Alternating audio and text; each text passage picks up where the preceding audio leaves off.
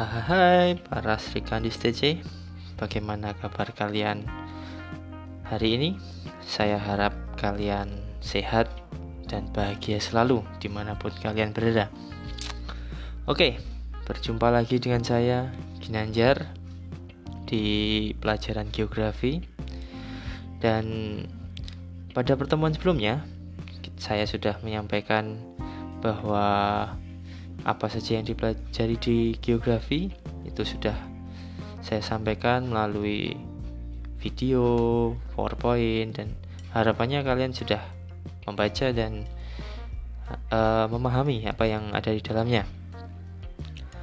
Kemudian pada kesempatan hari ini saya akan mencoba menyampaikan apa yang akan kita sharingkan melalui pesan suara Harapannya kalian bisa mendengarkan di mana pun dan kapan pun. Oke, uh, sebelum saya akan menyampaikan berbagai hal, sebelumnya saya pengen bercerita sedikit tentang apa yang sudah saya alami. Kenapa kok saya bisa menjadi seorang guru geografi, bisa suka dengan geografi itu bagaimana? Oke. Okay. uh, eh, dulu ketika saya masih seusia kalian ya masih SMA gitu uh, saya mulai tertarik dengan geografi itu penyebabnya cuma satu sih.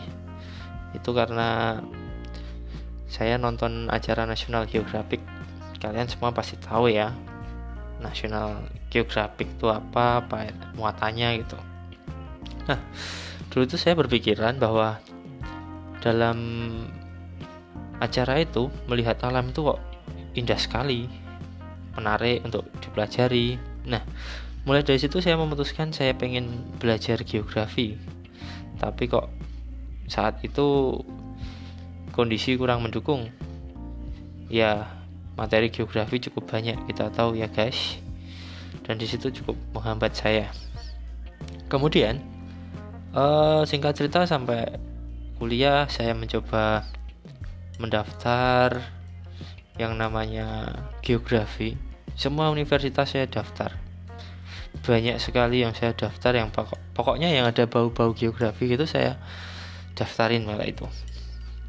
Nah uh, pertama dulu itu saya daftar di Undip. Itu oceanografi itu ilmu yang belajar tentang laut ya laut gitu. Kemudian di UGM saya juga daftar geografi lingkungan terus ada geologi juga itu mempelajari tentang lingkungan. Kalau geologi mempelajari tentang pembentukan bumi gitu.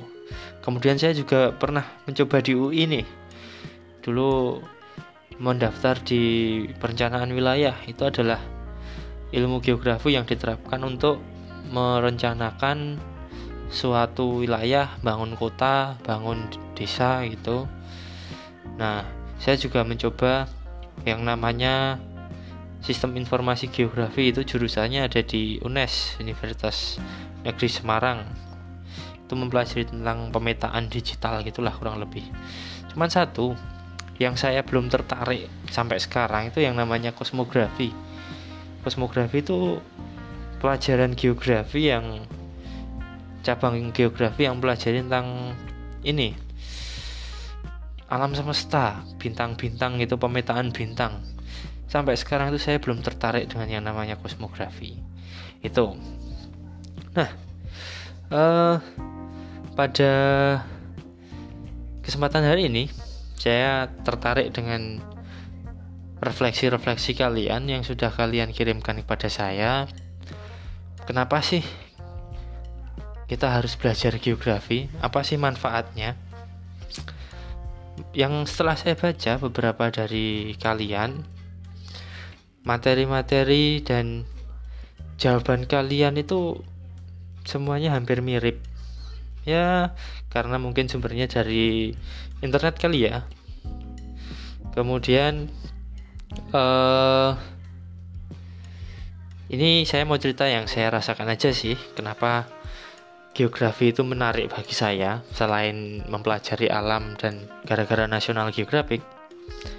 Itu yang pertama geografi itu dapat memberikan informasi tentang sumber daya alam dan potensi alam termasuk potensi ekonominya kemarin ada yang menjawab tentang membantu membangun perekonomian dunia loh Keren sekali nih jawabannya. Ya benar, perekonomian dunia itu bisa ditingkatkan, perekonomian daerah bisa ditingkatkan dari uh, pengetahuan terhadap sumber daya alam. Bisa dilihat apa yang bernilai ekonomis, makanya lah bisa dijual. Nah, yang kedua, saya merasa geografi itu memberikan gambaran informasi tentang sosial masyarakat. Itu menarik sekali bagi saya. Ilmu-ilmu tentang sosial masyarakat itu sangat dinamis ya sangat macam-macam. Dan yang ketiga geografi itu dapat memberikan kondisi lingkungan dan alam nah kita bisa menganalisis nih bagaimana kondisi lingkungannya terus eh, Geografi juga dapat memberikan informasi tentang yang namanya pemetaan. Bisa membantu kita membaca peta, kemudian mempelajari Google Map yang jelas. Kita bisa belajar Google Map di situ. Besok kita akan pelajari di episode selanjutnya.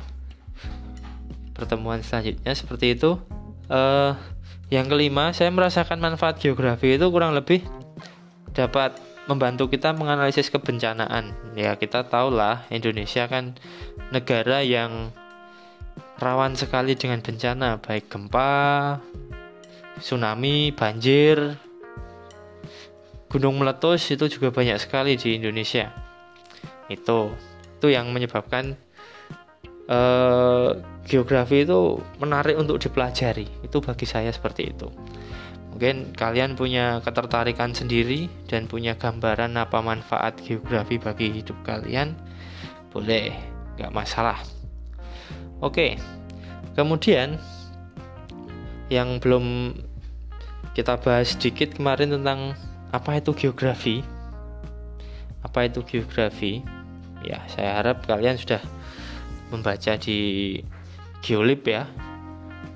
Itu yang saya lihat dan paling mudah dihafal itu adalah definisi geografi dari bahasanya saja yaitu geo yang berarti bumi dan grafian berarti gambaran.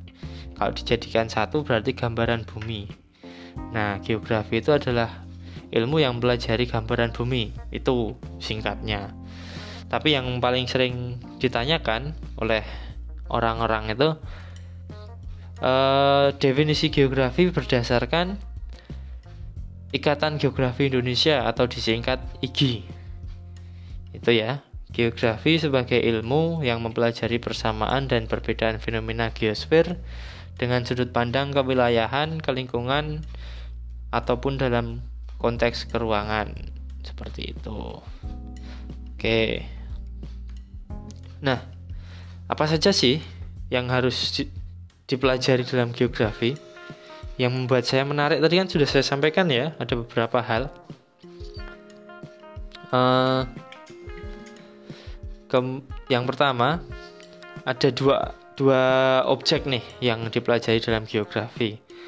Pertama itu ada yang namanya objek material. You know lah material itu apa? Kalau materialnya pensil ya bendanya pensil kalau objeknya handphone ya bendanya handphone kalau dalam geografi material yang dipelajari itu kurang lebih ada beberapa ada lima yang disebut geosfer tadi itu dalamnya sih ada udara tanah air hewan tumbuhan dan manusia itu adalah objek-objek yang dipelajari secara nyata dalam geografi kemudian yang kedua adalah objek formal.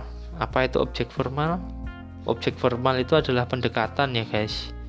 pendekatan ya ibaratkan saja kalian sedang pendekatan sama cowok atau teman dekat kalian kalau kalian dekati cowok gitu kan yang pertama kalian cari nama jelas ya. Setelah itu kalian cari rumahnya di mana sih? Dia kalau main ke mana aja sih? Nah itu yang dinamakan pendekatan ke ruangan. Ruang nyamannya si cowok ini di mana? Di rumah? Di tempat tongkrongan atau di mana? Nah itu. Kemudian pendekatan yang kedua yang harus kalian lakukan sama cowok itu gunakan pendekatan lingkungan gimana sih circle-nya si cowok ini? Hobinya si cowok ini apa aja? Nah kalau dikaitkan sama geografi si cowok ini si cowok ini baratkan saja uh, suatu fenomena ya. Si cowok ini fenomena yang luar biasa indah. Kemudian dilihat hubungannya dengan alam. Gimana sih alam itu kalau di sekitar dia? Apakah fenomena ini terjadi karena hujan fenomena ini terjadi karena udara panas atau tanah yang kering. Nah itu seperti itu. Ibaratkan saja tadi lingkungan si cowok seperti apa hobinya apa kesukaan dia apa sukanya pergi ke mana. Biar kalian tahu nih pendekatannya enak kalau kalian tahu. Kemudian kalau udah tahu yang namanya rumahnya di mana kemudian hobinya apa? Kalian pasti uh, tahu pengen tahu yang lebih jauh lagi nih pakainya kompleks wilayah. Kalau dalam konteks nyari cowok ini tadi uh, kompleks wilayah itu bisa diibaratkan kalian cari tahu bagaimana hubungan dia dengan orang lain. Udah punya pacar belum? Papa mamanya siapa? Itu udah dengan hubungan dengan fenomena lain dengan orang lain. Seperti itu dikaitkan sama geografi ya itu fenomena banjir misalkan itu penyebabnya karena pengundulan hutan di puncak. Nah, itulah hubungannya kompleks wilayah. Itu. Nah, kemudian uh, dalam geografi itu juga ada cabang-cabangnya, guys. Jangan salah. Cabang geografi itu ada dua yang besar. Yang pertama adalah aspek fisik. Aspek fisik itu ya yang berhubungan dengan alam. Alam lah intinya. Nah e, di alam itu yang jelas bisa kita lihat adalah fenomena air hidrologi fenomena udara meteorologi dan klimatologi fenomena kegunung apian vulkanologi. Kemudian ada fenomena laut oceanografi dan pembentukan bumi geologi ya pokoknya yang berbau-berbau benda mati itulah. Nah, kemudian aspek sosial nih. Itu yang dititik beratkan adalah aktivitas manusianya. Jelas namanya juga sosial. Yang dilihat aktivitas manusianya. Artinya manusianya itu sebagai uh, pelaku utama seperti kasus ekonomi, kasus sosial, kasus budaya, kasus politik itu nanti dilihat dalam sudut pandang geografi. Gimana sih kok bisa pertaniannya baik? Uh, mungkin karena tanahnya subur. Gimana sih kok budaya itu bisa bertahan dengan lama? Ya karena tidak dicampuri oleh budaya orang lain gitu. Nah, itu yang dipelajari dalam aspek sosial. Kemudian, bagaimana dengan pemetaan nih? Pertanyaan saya, bagaimana dengan pemetaan? Atau bahasa kerennya kartografi. Nah, cabang geografi ini unik. Dia mencakup fisik dan aspek sosial sebagai pokok bahasanya. Tapi ya akhir-akhir ini ada sekelompok komunitas yang menyebutnya adalah geografi teknik. Nah, geografi teknik itu yang mulai menggunakan itu di UGM jurusan penginderaan jauh, kartografi sama SIG itu menyebutnya geografi teknik. Nah, Itu. Nah, dalam mempelajari geografi, alangkah baiknya ada prinsip-prinsip yang harus kalian pegang. You know lah prinsip seperti apa itu prinsip yang menjadi dasar kalian dalam belajar geografi. Kalau kalian belajar geografi ya girls, uh, kalian tuh harus bisa menceritakan yang namanya persebaran. Itu jelas. Geografi itu nggak pernah lepas dari persebaran. Tanaman padi itu tumbuhnya di sawah, nggak mungkin tanaman padi tumbuhnya di daerah pesisir. Ya jelas persebarannya di daerah dataran rendah, tanahnya subur, seperti itu. Itu yang dinamakan persebaran. Kemudian interrelasi atau hubungan. Hubungan ya seperti hubungan kalian dengan pacar kalian. Eh. Nah, prinsip interrelasi atau hubungan ini dalam kasus geografi itu pasti ada yang namanya sebab dan akibat. Nah, sebab akibat ini perlu kalian pelajari. Misal, eh, banjir, penyebabnya apa? mengakibatkan apa? Nah, itu jelas harus kalian pelajari. Gunung meletus, penyebabnya apa? Penyebabnya adalah magma yang keluar dari perut bumi. Akibatnya apa? Menimbulkan korban jiwa karena terkena lava panas. Nah, itu yang namanya analisis geografi. Kalian juga bisa harus mendeskripsikan deskripsi e, gempa bumi itu apa sih? Nah, itu harus dijelaskan di situ. Nggak bisa seenaknya aja, girls. Nah, prinsip yang keempat, yang namanya prinsip korologi ini yang biasanya paling rumit nih. Itu menggabungkan tiga prinsip sebelumnya, persebaran, interrelasi, dan deskripsi. Kalian gabungkan jadi satu. Kalau dalam suatu bacaan kalian menemukan tiga prinsip ini, berarti itu menggunakan prinsip korologi jelas itu nah untuk hasil dari belajar geografi itu apa sih harapannya yang jelas harapan dari belajar geografi itu secara keilmuan secara ilmu pengetahuan maksud saya sorry girls uh, sudah disampaikan di awal tadi ada berbagai manfaat geografi ya bisa mengetahui SDA, bencana alam, pemetaan dan lain sebagainya. Nah, yang saya harapkan selain ilmu bertambah kalian juga mempunyai keterampilan geografi. Apa itu keterampilan geografi? Yang pertama ada observasi. Kalian pandai memahami suatu kondisi lingkungan. Lingkungan apa pun bisa bisa dipahami oleh kalian.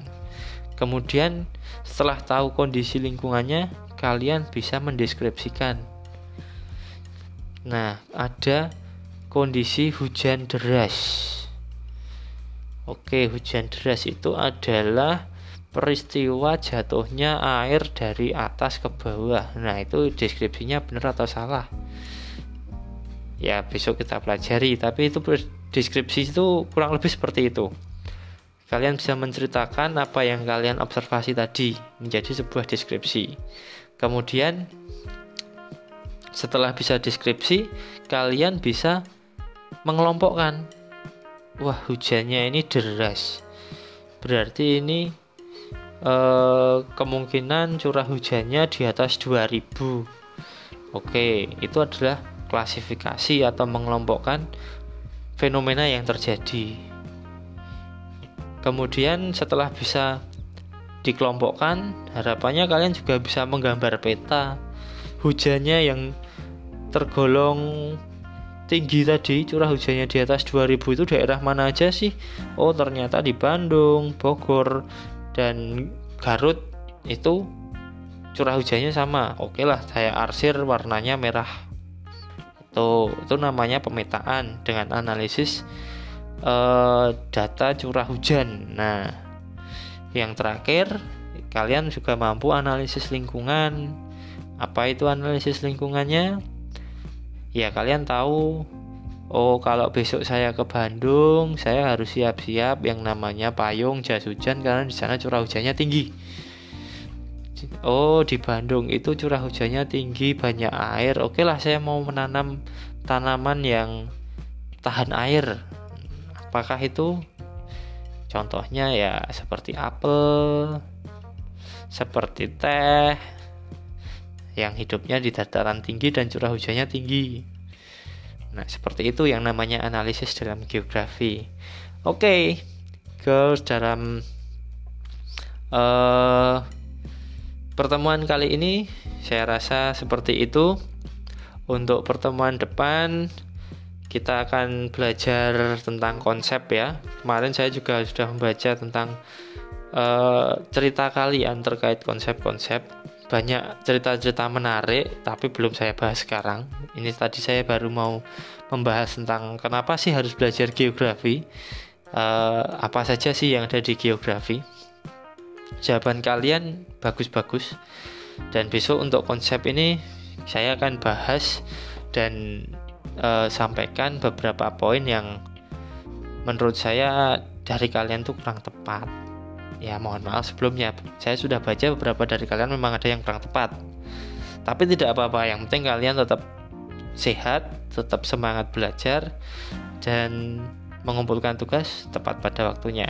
Oke seperti itu. Kalau kalian ada pertanyaan boleh disampaikan ke saya boleh juga disampaikan melalui DM IG atau uh, apa pun lah yang sudah saya berikan ke kalian. Bisa disampaikan aja seperti itu. Uh, saya rasa untuk pertemuan hari ini saya cukupkan sekian. Bisa kalian pelajari dulu materi-materi selanjutnya. Dan satu lagi tolong dipahami tentang konsep. Sebelum besok kita bahas tentang konsep geografi kita membicarakan lebih jauh tentang konsep geografi silahkan kalian baca tanyakan kepada saya di nomor yang sudah saya sampaikan ke kalian. Pertanyaan-pertanyaan kalian akan saya bahas besok di pertemuan selanjutnya. Seperti itu, begitu dari saya. Semoga kalian sehat, selalu bahagia di mana pun kalian berada. Uh, jangan lupa berdoa, semoga Tuhan memberkati kalian.